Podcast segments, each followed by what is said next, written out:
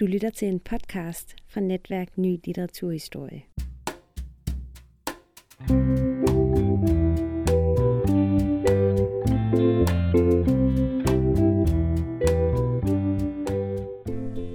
Har du nogensinde tænkt over, hvor de store danske forfattere egentlig holdt til?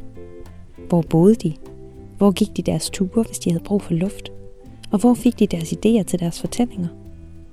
Hvis du også har tænkt sådan, så bliv ved med at lytte med – for i den her og de næste udsendelser skal du nemlig med netværk Ny Litteraturhistorie på en litterær cykeltur gennem København.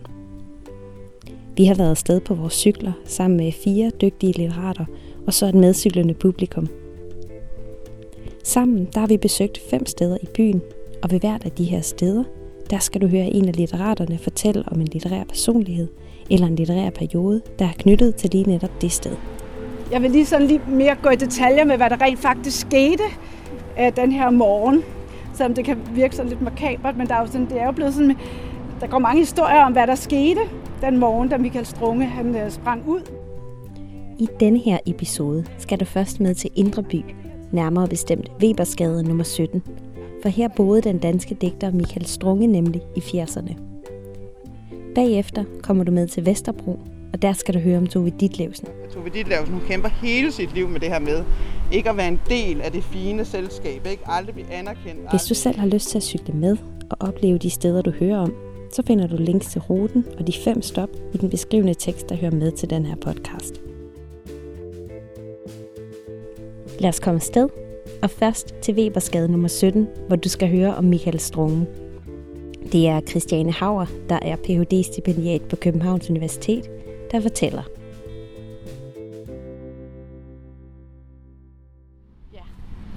Og I kan jo se, altså det er det her hus, og det er jo på en måde en lidt sørgelig lejlighed. Det er ikke der, hvor han nødvendigvis skrev et eller andet stort værk. Øh, men øh, det var her, hvor han hoppede ud af vinduet fra fjerde etage. Og det var 17. marts, nej, 9. marts i, i 1986 han hoppede. Og jeg har egentlig tænkt mig først at, at læse lidt. Jeg har fundet mine gamle 80'er paperbacks frem her. Øh, flotte farver. Øh, så jeg synes også, at I skulle have noget strunge. Og den, det første, jeg vil læse, det er fra øh, Verdenssøn, som var den næst sidste digtsamling, han udgav. Og den, det, er, han, det er sådan en langdigt til sidst. Og der vil jeg læse lige det sidste stykke af det langdigt. Fordi der blandt andet er et fald i det, øh, og også fordi, at øh, det måske på en eller anden måde meget godt viser, måske hvilken tilstand han var i, i den her sidste tid. Altså han, han, øh, han var jo psykisk syg, øh, faktisk en stor del af sit liv, men det var sådan øh, on and off, og, og, og især i de her senere år var han meget plaget. Så det starter jeg lige med at læse. Altså selve digtet hedder gennem spejlet, men det bliver altså kun slutningen, jeg lige læser.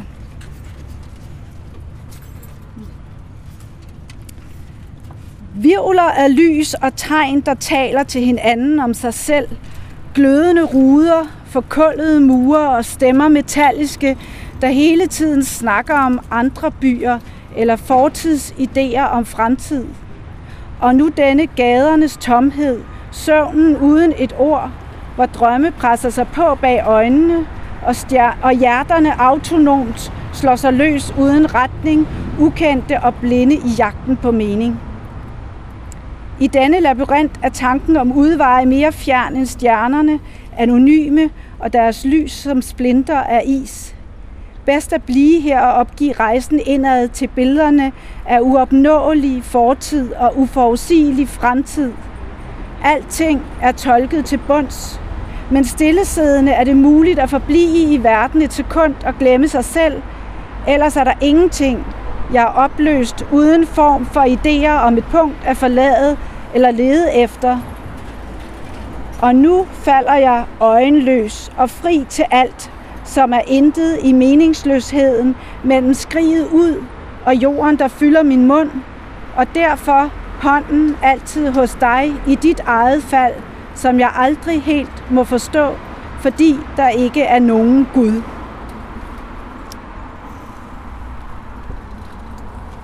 Jeg vender lige tilbage til, til, til den her samling lige om lidt, men øh, jeg vil lige sådan lige mere gå i detaljer med, hvad der rent faktisk skete øh, den her morgen. Selvom det kan virke sådan lidt makabert, men der er jo sådan, det er jo blevet sådan, at der går mange historier om, hvad der skete den morgen, da Michael Strunge han, øh, sprang ud. Øh, han var altså øh, faktisk indlagt på det her tidspunkt, men havde fået udgang. Eller det var en åben indlæggelse, så han kunne bare gå ud fra Rigshospitalet og var hjemme på weekend øh, hos sin kæreste. Eller altså han boede her med sin kæreste, Cecilie Brask. Øh, og var, altså, havde en af de her nætter, hvor han var søvnløs, urolig, øh, manisk, ja, psykotisk måske, øh, kunne man godt forestille sig. Øh, og det accelererede altså i løbet af den her søvnløse nat. Øh, Cecilie kom først sent hjem og lå faktisk og sov, men til sidst blev hun vækket af hans uro. Øh, og på et tidspunkt om morgenen, så går han ud og åbner øh, hoveddøren, fjerner navnesk, altså skiltet på døren, der er skilt på døren. Så går han ind og fjerner, tager batterierne ud af deres øh, øh, digitale ur, så tiden stopper, kan man sige. Øh, og så tager han sin transistorradio og kyler ud af vinduet fra soveværelsevinduet, eller fra soveværelset. Øh, og rækker selv ud mod vindueskarmen og skærer sig. Øh, og på det tidspunkt er Cecilia altså vågnet og prøver at få ham ind igen og ind i køkkenet og vil prøve at rense det her sår. Men da, han så, øh, da hun lige vender sig om for at finde noget gas, eller hvad det nu er, så, øh, så river han sig altså løs, tager sit, ind i soveværelset igen, tager sit tøj af, og selvom hun prøver at holde ham tilbage, så springer han så ud af vinduet. Og oh, ja, en vigtig detalje faktisk, som jeg glemte her. Altså, efter han har første gang har kastet den her transistor ud, så er det, han siger, se, nu kan jeg flyve. Så, og, men så får hun ham jo tilbage, og så springer han så alligevel så i anden omgang. Og det her, øh, nu kan jeg flyve, det er jo så det, der også står på indskriften derovre, som beboerne har valgt, at der skulle stå. Jeg kender ikke sådan den nærmere historie om det, men det er altså, jeg har jo læst forskellige biografier, øh, og, og der står et sted, at beboerne har valgt det her. Øh. Men altså, for at vende tilbage til den her øh, verdenssøn, den her digtsamling, som jeg læste op fra før, øh, så er den jo kendt blandt andet, fordi at øh, han udgav den under pseudonym, øh, under navnet Simon Lack, og på det tidspunkt var han anmelder på politikken, øh, og han lavede ligesom det mediestunt, at han anmeldte sig selv hemmeligt. Øh, sådan så, at han ja, udråbte den her nye debutant øh, til at være en fantastisk øh, ny digter, der debuterede. Det var i 85. Men et eller andet sted, så kan man, altså, så var det et mediestunt, men der var måske også noget, altså det viste måske også, at han var værd at skrive sig selv ned, altså tænker jeg. Øh, der, der kom jo en film om Michael Strunge her i starten af året, som kan anbefales. Øh, Torben Schut Jensen. Øh, og der kan man høre Thomas Boberg, tror jeg nok det er, øh, der fortæller om, hvordan Michael Strunge, han, øh, han ringede op til ham og sagde, han var sådan en, der ringede op til folk, også om natten, og faktisk altså ret generende, fordi han var så manisk, så han ringede hele tiden til sine venner. Men blandt andet ringede han så op til Thomas Boberg der på det tidspunkt og øh, sagde, prøv at høre, jeg, jeg skal anmelde det her, for den her fantastiske digtsamling. Og så læste han den hele op i telefonen for ham. Og Thomas Boberg, han vidste ligesom slet ikke, hvad han skulle gøre, fordi altså, det var jo fantastisk godt, synes han. Men det var jo også fantastisk meget Michael Strunge. Det kunne han jo godt høre. Han kunne simpelthen høre, det der, det er Michael Strunge. Men han vidste man ikke, altså, hvordan... Han sagde ikke noget. Han havde sådan gode miner til slætspil. Men måske var det et, altså, som sagt, kan man se det her som et tegn på, på noget, som uh, Søren Work Thompson, hans kollega, også var ind, har været inde på senere, at, at Michael Strunge, han ligesom uh, trak på kan man sige, sit, sit liv i sin dækning. Altså han skrev sig selv helt ned, eller øhm, altså han drev rovdrift på sine indre ressourcer, har Søren Ulrik Thompson udtalt. Øh, sådan så man kan sige, at han brugte sig selv som menneske op. Øh, og så var han altså allerede nået på det der tidspunkt i 85 til, at, hvis, at han ligesom, altså måske ville han bare gerne være den der unge debutant igen, ikke? Altså, øh, som samtidig var lidt på vej ud og faktisk havde stigende problemer med at skrive. Øh. En anden ting omkring det her selvmord, det var, at han jo også ringede øh, til sin gode veninde Anne-Marie Maj, som jo i dag er litteraturforsker. Hende var han veninde med, øh, og hun, havde, hun boede i Aarhus, men var over på weekend hos sin kæreste Claus Høg, som også var digter. Øh, og han ringede hele natten, altså flere gange til hende. Øh, og de havde aftalt, at de skulle, de skulle mødes næste dag, og hun øh, prøvede at berolige ham hele tiden. Han ville have, at hun skulle komme med det samme, og det, altså, det orkede hun ligesom ikke. Altså, jeg tror, vennerne var ret trætte af, at han hele tiden ringede. Så hun fik beroliget ham og sagde, at hun ville komme tidligere næste dag. Men da hun så kom næste morgen, der var han jo allerede død, desværre. Øh, og noget af det, som hun blandt andet, øh, altså noget af det, han ligesom talte med hende op i løbet af den her nat, øh, det havde noget at gøre med, altså der var nogle sammenfald, kan man sige, med det her selvmord, og nogle, eller, altså der er mange forskellige sammenfald, men måske øh, et af dem var øh, øh, Olof Palme, mordet på Olof Palme, som var sket den 27. februar øh, samme år, altså ikke så lang tid før. Og, og Michael Strunge, han havde i den sidste dæksamling, han havde lavet, der havde han... Øh, der var et billede af ham på forsiden, hvor han peger ind i, med en pistol ind i en tv-skærm, hvor Paul Slytter er. Dog nok med sådan en lyddæmper, men alligevel, altså han peger på statsministeren med en pistol. Og det havde på en eller anden måde ligesom altså kommet ind i hans eget hoved, som altså noget af det, der ligesom kørte rundt, var det ham, der var, også var skyld i virkeligheden det her Olof Palme-mor.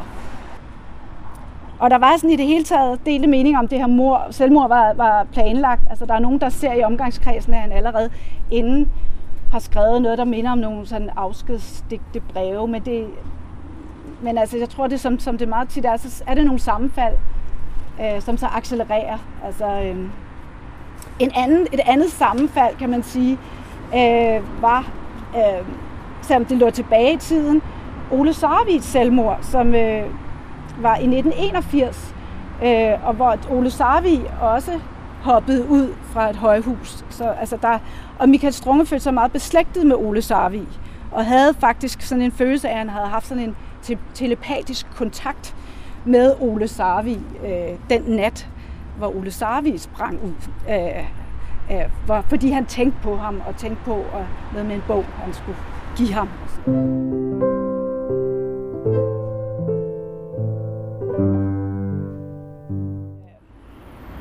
Ja. Men altså for at måske komme lidt væk fra, fra springet og sådan noget, så mere sådan en præsentere det i forhold til, hvem er var Michael Strunge. Han blev født Michael Strunge Jensen. Han blev den her 80'er, det her 80'er ikon.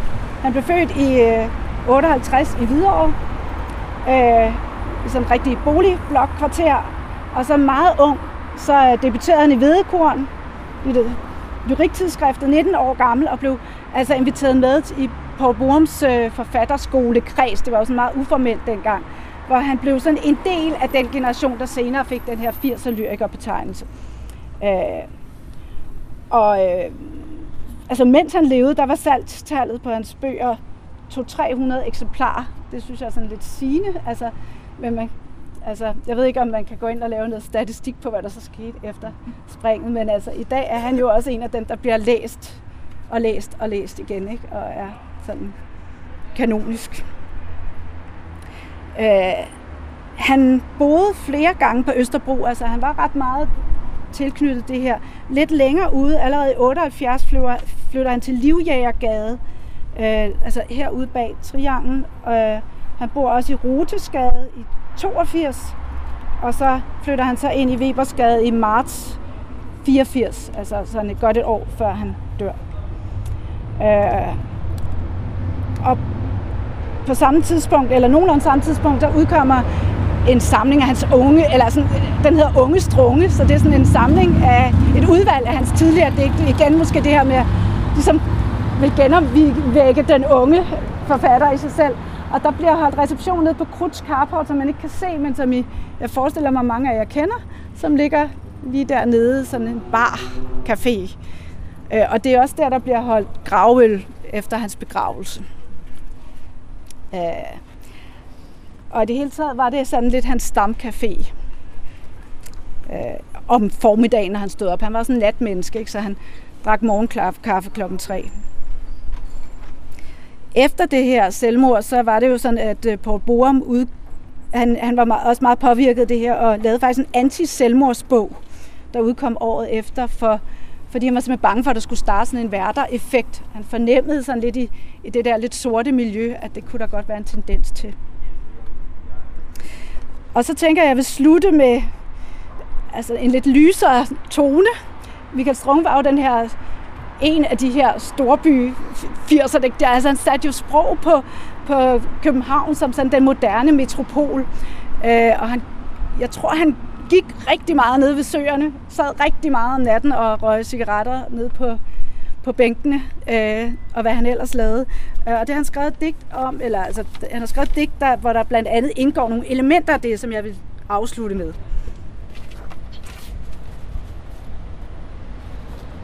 Det er fra Ud af natten, og det har sådan en, en anden tone, som nok er den der mere gadedrengeagtige, veloplagte, øh, næsten sådan vrængende, ja, humoristiske stråle, kan man sige.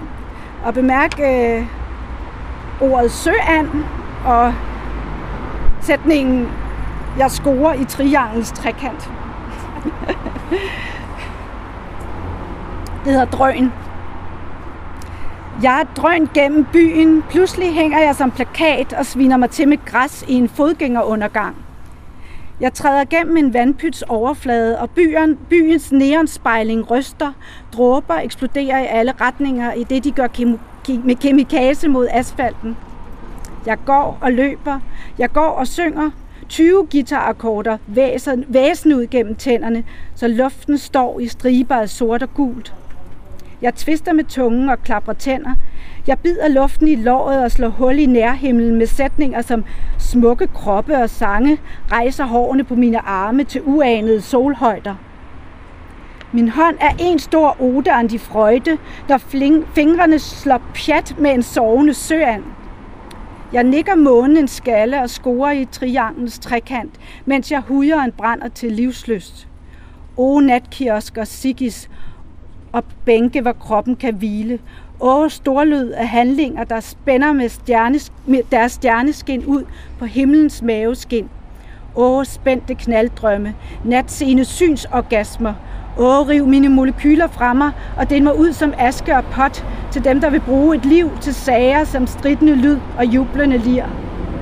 Når byen elskes af himlen, og stjernerne trækker tårestriber fra vindue til vindue, når menneskene er til for hinanden, retfærdige af jordsyge.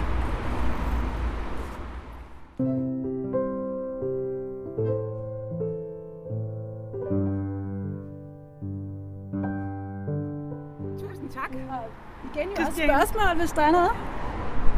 Ja, ja. Øh, ved man, om han var i gang med at skrive noget, da han begik selvmord? Altså, øhm, den udkom jo, billedpistolen udkom, jeg tror det var i november øh, 85, ikke? Og, og det var jo så i, i marts 86. Og han havde sådan i stigende altså, problemer med at skrive faktisk, så jeg ved ikke om faktisk om han var i gang med noget. Jeg tror det ikke nødvendigvis. Øh, det var ligesom om der ja, kom mere og mere skrivekrise. Men han var jo også ekstremt produktiv, så han skrev jo hele tiden. Altså, ja. men, men alligevel så har det måske ikke været godt nok. Eller, ja. Så vred på Lola Beidel, eller Beidella, hvad hun skal udtales, som en af de der lyse digter i tiden, der blev solgt enormt meget sådan i bogcafé og alle mulige andre steder? Jamen, han ville jo gøre op med den der mere sådan brugspoesi, og ville gerne øh, altså, skabe sådan en mere visionær, altså digteren skulle være sådan en mere visionær figur, ikke? og skrive noget mere overskridende, kan man også sige. Altså, og, og altså, Lula Beidel stod jo for sådan mere sådan knækbruse er den, det nære, personlige. Altså, han, der, han var jo kompromilløs, ikke? Og altså, han var jo kompromilløs med sit liv, kan man så også altså, sige, altså på godt og ondt, fordi det er svært at holde den her energi, ikke? Og så, altså på en eller anden måde, svært at være et menneske, tror jeg. Jeg tror, at det var svært at være menneske, men, det, men der blev produceret en masse fantastiske digte, ikke? Ja, ikke flere spørgsmål? Tror jeg Jamen, øh, vi skal jo så ikke så langt nu. Øh, mange tak til dig, Christiane, for dit oplæg.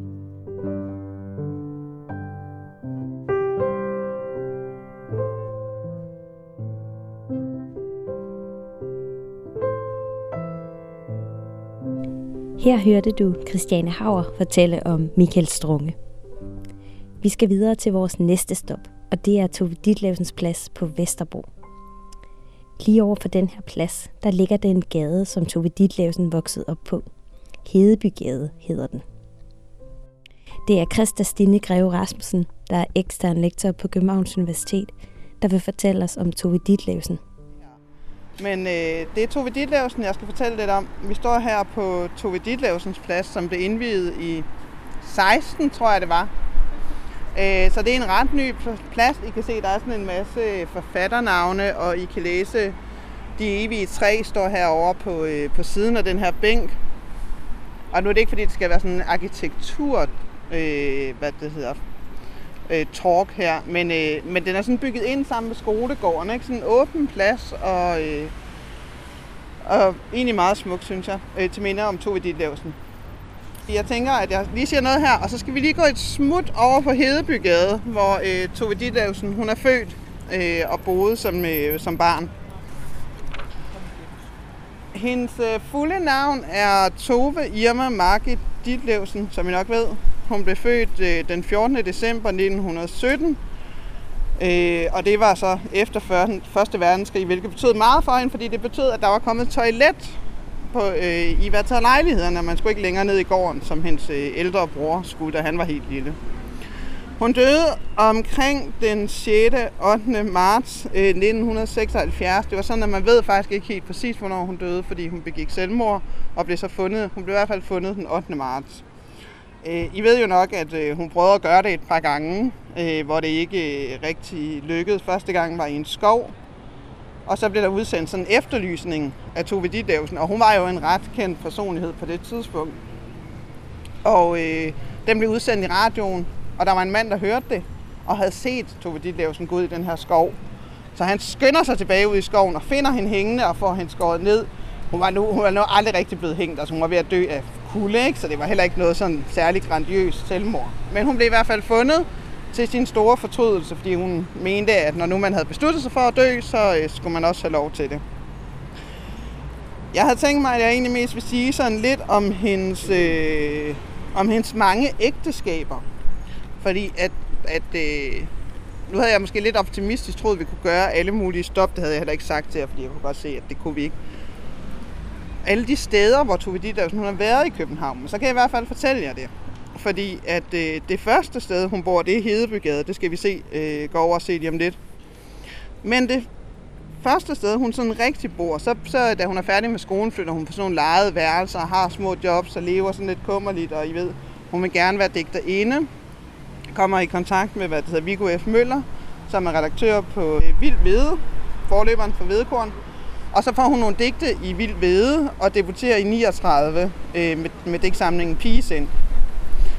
Og i 1940 så gifter hun sig så med ham, øh, og han er jo mange år ældre end hende. Og de flytter faktisk sammen i en lille bitte lejlighed under elmene. Øh, og det synes jeg var meget, nu bor jeg selv på Amager, så jeg synes jo, alle forfattere med tilknytning til Amager, det er meget interessant, ikke? Men de fleste af jer har sikkert været på den der den lille kaffebar, der ligger. Og det er lige opgangen ved siden af den lille kaffebar. Det er sådan et sted, jeg i hvert fald er kommet meget. Og det var det første sted, hun boede, og der boede de i et år, men det gik ikke, øh, det gik jo ikke specielt godt, og, øh, og hun blev syg og kom på nerveklinik. Så boede hun herovre på Åboulevarden på et tidspunkt. Men så blev hun øh, gift i øh, hvad det hedder, 42 med den unge Ebbe Munk og flytter til øh, flytter til Sydhavnen med ham. Det går heller ikke særlig lang tid. Øh, og nogle år efter, så bliver hun øh, gift med lægen Karl T. Ryberg. I ved, det er ham, der sådan ligesom supplier hende med drugs og sådan noget, og gør det her misbrug endnu mere voldsomt. Ikke? Altså, det er også smart, når man er misbruger, så er gift sig med en læge. Ikke? Så kan man ligesom få fri adgang til det. Men der begynder hun så sådan ligesom at... Øh, altså, hendes første mand, Viggo F. Møller, han skulle sådan være indgangen til det litterære parnas. I ved også godt, at Tove Ditlevsen, hun kæmper hele sit liv med det her med ikke at være en del af det fine selskab, ikke? aldrig blive anerkendt, aldrig øh, få øh, akademiets pris og sådan noget. Ikke? Og det plager hende faktisk rigtig meget. Øh, hun, på en eller anden måde, så i scene sætter hun sig også selv som den her arbejderpige, ikke? Men, øh, men hun higer meget efter det her sådan, det bedre borgerskab, og sådan, som at være en del af de litterære parnas. så da hun øh, gifter sig med Karl Ryberg, så går det faktisk sådan, øh, så går det faktisk lidt bedre. Og så flytter de til Evalds, øh, Evaldsbakke 34 i Gentofte. Ja, vi flytter tilbage, vi rykker tilbage ind til byen her. Øh, men det gør, hvad det, det gør hun faktisk ikke, fordi så gifter hun sig med Victor Andreasen, som bliver hendes sidste mand, ham der var chefredaktør for BT. Ekstrabladet. Ekstrabladet, undskyld, det er rigtigt. Og, øh, og de flytter så faktisk til Birkerød i en villa. Og så tænker hun, nu skal hun virkelig sådan slå sig til ro. Nu har hun jo også fået øh, opsamlet og selv født og adopteret nogle børn undervejs. Ikke? Så nu tænker hun, nu skal hun leve det der rolige familieliv og være forstadsfrue og bo i Birkerød, og der er dejligt, og der er luft, og der er stille. Men altså, hun ender faktisk også med at bo der i 10 år. Ikke? Men hvad er det første, hun gør? Det er selvfølgelig, at hun ansætter en øh, husassistent til at tage sig af alt det huslige. Ikke? Og så øh, skriver hun og drikker vin og, og hygger sig med sine veninder og sådan noget. Altså så, ja, det... Øh, og til sidst så bliver de utrolig trætte af at bo i Birkerød og flytter faktisk ind på H.C. Andersens Boulevard. Og det er et af de steder, som hun nok, tror jeg faktisk, har været allermest glad for at bo. Det var sådan en meget, meget, meget grandiøs lejlighed. Og man ser tit billeder af hende sidde i de der stuer på H.C. Andersens Boulevard. Og hun kunne ligesom være der, og hun kunne holde parnas, og hun kunne have folk inde og sådan noget. Øh, hvis der var nogen af jer, der var inde og se det der stykke, der hed øh, Toves Værelse, kan I huske, der holder hun også de der middagsselskaber, som hun er meget berømt for inde på H.C. Andersens Boulevard. Fordi der kan forfatterne ligesom, og, og det er også der, Blifbjerg kommer ind og spiser sammen med hende. Men hun ender med at blive forladt af Victor Andreasen og, øh, og indrykker den her berømte og berømte kontaktannonce, som jeg ikke vil læse højt for jer, men hvor hun skriver sådan en forfatterinde med rimelige vilkår søger en, øh, en mand. Og hun får jo en masse svar, men det er jo fordi, hun har jo glemt at skrive, at hun er kvinde. Hun har ikke skrevet forfatterinde, hun har bare skrevet forfatter. Så der er en masse kvinder, der skriver og gerne vil have kontakt til hende. Ja, så det øh, går ikke så godt, og hendes sygdom bliver værre, og det har hun også skrevet en hel del om, øh, og ender så med at dø der i 76. Jeg havde tænkt mig, at jeg ville læse lidt op fra hendes, øh, en af hendes, hun har jo skrevet mange fiktive romaner, som handler om hendes barndom, og ligesom bruger af, hun bruger, af, bruger i høj grad af hovedstolen, ikke? Men hun har også skrevet den her fantastiske bog, der hedder øh, Tove Ditlevsen om sig selv, hvor hun bliver bedt om at skrive om sig selv. Ikke at hun ikke er meget for, men alligevel så sætter hun sig til det. Og det er også i høj grad den, der sådan er med til at sådan cementere den her historie om Tove Ditlevsen, født over i øh, Hedebygade. Ikke? For det første, så skriver hun i forordet, et, øh, et, et, der er et citat, som hun også er blevet meget kendt for. Hvor hun skriver, så langt jeg kan huske tilbage, har jeg ikke brugt mig ret meget om virkeligheden. Jeg affandt mig bare med den, og læste og, læste, skrev og drømte mig væk fra den, når jeg kunne se mit snit til det. Når jeg allerede ikke så få gange i min tilværelse har kastet mig ud, hvor jeg ikke kunne bunde, skyldes det måske, at min storebror, hvis ord jeg aldrig tvivlede på, lærte mig, at man altid skal gøre det, man frygter allermest. Det er en udmærket leveregel, hvis det da ikke lige drejer sig om at springe ud fra femte sal. Og, øh, og så skal jeg læse et lille citat om, hvor hun, hvor hun også meget berømt beskriver sådan, at det er en indledende beskrivelse til hendes barndomshjem. Men det er jo sådan, og det har I godt fornemmet, at Tove Ditlevsen, hun iscenesætter sig selv og bliver iscenesat som den her meget en forfatter, der kommer fra fattige kår og sådan noget. Men altså, og hun havde også en mor, som hun havde et meget anstrengt forhold til. Men man må sige, at hun havde øh, en ældre bror, der jo også øh, udgav digte i, øh, i Vild Vede, øh, og var havde sådan øh, halvvejs forfatter. Og jeg tror egentlig, at hun kom fra et miljø, hvor hun egentlig havde mange gode forudsætninger for at blive den person, hun er. Altså, og der var ikke, hendes far drak ikke, og der var ikke øh, alkoholisme i hjemmet osv. Øh, de var fattige, og han blev fyret på et tidspunkt, øh, og det har fyldt meget. Hun skriver under i et kapitel, der hedder Ordentlige mennesker. Jeg er født 14. december 1918 i en lille toværelses lejlighed på Vesterbro i København. Er der nogen, der har bemærket en uoverensstemmelse her? Og hvorfor står der 18? Hvorfor læser jeg? Spørgsmål. Du sagde 17, hun var født i 17. Ja, det gjorde jeg. Sin alder. Hun stjal lidt over. Nå, det her det er jo meget senere, men det er rigtigt. Hun lyver om sin alder og siger, at hun er født i 18. Altså, og vil gerne være yngre, også sikkert, da hun udgiver sin dæksamling. Men så holder hun ligesom fast i det, ikke? Nu er det blevet sådan, om hun er født i 1918, om hun til sidst har glemt, hvornår hun egentlig er født, det ved man jo ikke. Nå, Adressen var Hedebygade 30A OG, hvilket betød overgården. Vi boede på fjerde sal. Min far var fyrbøder og 37 år ved min fødsel. Min mor var 10 år yngre. Min bror blev født 1914, da den første verdenskrig brød ud. Og jeg kunne være glad for, at den fik en ende, øh, før jeg så dagens lys, for som følge deraf fik vi indlagt WC med træk og slip i lejligheden. Min mor gjorde aldrig redde for den nærmere sammenhæng, men jeg var bestemt glad for ikke at skulle ned i den skumle gård i nattens mulm og mørke, når naturen krævede sin ret på uheldige tidspunkter. Og så fortsætter det derud af. Det er ikke sådan helt så litterært, som når hun skriver i sine romaner og bruger sin barndom. Men det er jo sådan ret kontant, ikke? Det er meget sådan, ja, jeg blev født der, og det var fattige kår og sådan noget, men hun gør selvfølgelig også meget ud af, at de var ordentlige mennesker. Er den bog ikke også skrevet til skoleelever? Tog vi de jo, jo. sig selv? Jo, altså, jo, det er den. Hun, altså, hun bliver sådan bedt om at fortælle om sig selv, ikke? Altså, og, og så, øh, så selvfølgelig, men, men det er, jeg synes samtidig, det er en ret sådan, god beskrivelse. Hun reflekterer over det her med, at hun har egentlig ikke lyst til at skrive om sig selv, fordi hvad skulle det, og hun synes i øvrigt ikke, altså hun starter ud med at sige, sandheden, det, det har jeg aldrig brugt, eller hun siger, sandheden har jeg aldrig brugt mig særlig meget om, ikke? Og så går hun i gang med at skulle fortælle sin livshistorie, ikke? Det er jo totalt utroværdigt, ikke? Men et meget godt litterært øh, knep, synes jeg. Øhm, så jeg tænkte, vi skulle gå over på Hedebygade og se, hvor hun var øh, født. Fordi jeg tænkte, det var et godt sted at slutte af, som de siger, når man er ude at rejse, ikke? med en photo opportunity. Jeg har nemlig et billede her, hvor, øh, jeg, øh, som jeg lige kan sende rundt, med Tove Ditlevsen, der selv er på besøg. Og man kan faktisk godt se, altså man kan godt genkende det, ikke? Så man kan lige få taget sit eget Tove Ditlevsen billede over i Hedebygade. Er der nogen spørgsmål? Øh, ved du noget om, hvordan hendes forhold til hendes børn var? Eller hvordan hun var som mor?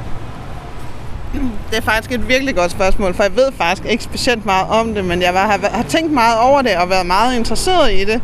Fordi at, øh, at jeg, hun skriver ikke specielt meget, ikke hvad jeg har læst, jeg har jo ikke sådan, jeg har læst det hele endnu. Øhm, hun skriver ikke specielt meget om det, men det hun skriver er, at hun er sådan en meget varm mor. Men hun skriver samtidig også, at hun aldrig har gået ind for opdragelse. Det er ikke noget, hun har brugt. Man skal ikke opdrage på børn, de skal bare have det godt og rart. Øhm, så, så det er jeg faktisk meget interesseret i at sådan finde lidt mere ud af, hvordan hun egentlig var som mor. Fordi at man skal selvfølgelig også huske på, at det var noget andet. Ikke? Man var jo ikke sammen med sine forældre på samme måde, som man er i dag. Vel? Altså, hun, hun var godt nok, altså havde dem jo meget hos sig og sådan noget, men, men der var jo ikke sådan helt det samme tætte bånd. Vel? Så hvis der er nogen, der støder på noget om, hvordan hun havde det med sine børn, så skal I bare sende nogle referencer. Jeg ved ikke, hvordan hun havde det, men jeg ved, at hendes førstefødte, Helle, Ja. hun var socialrådgiver og døde her for nogle få år siden, måske fem Ja. år siden, Ja. og trivedes meget fint, altså som Ja, generelt. Og ja. øvrigt var gift med Erik Thyssen, forfatteren Erik Thyssen, Ja. og blandt andet lavede den der bog, øh, Amerikanske Befrielsesfront, det tror jeg er en af hans første bøger, øh, som kom på, på Rodos, må det have været det, ikke? Ja. Ja. Ja.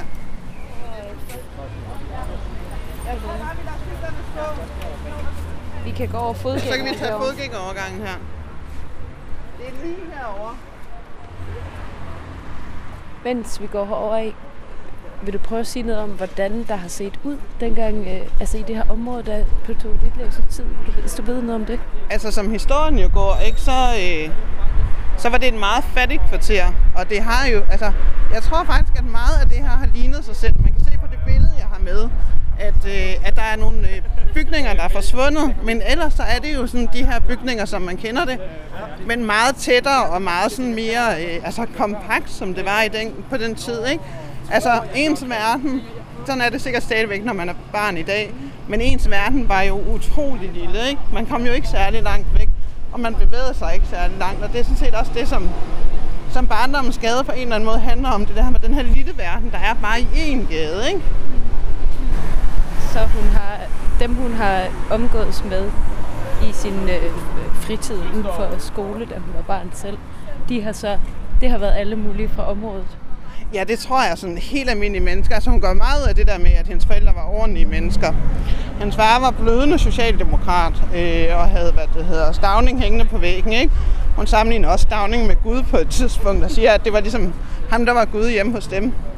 Men jeg tror, hun sådan, har omgået sådan almindelige mennesker. Men, øh, men samtidig, og det har jeg ikke læst så meget om, og jeg ved heller ikke, om hun egentlig skriver så meget om det, så der har hun haft adgang til litteratur derhjemme. Men hendes mor ville ikke rigtig have, at hun skulle lære at læse, før hun kom i skole, fordi at hun synes ikke på den måde, hun skulle skille sig ud.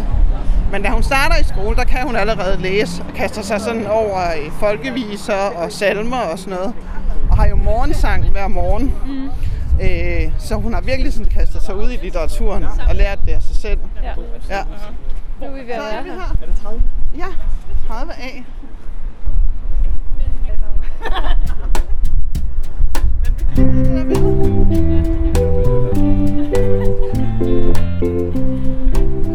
Jeg vil sige, at min søn ligner faktisk lidt øh.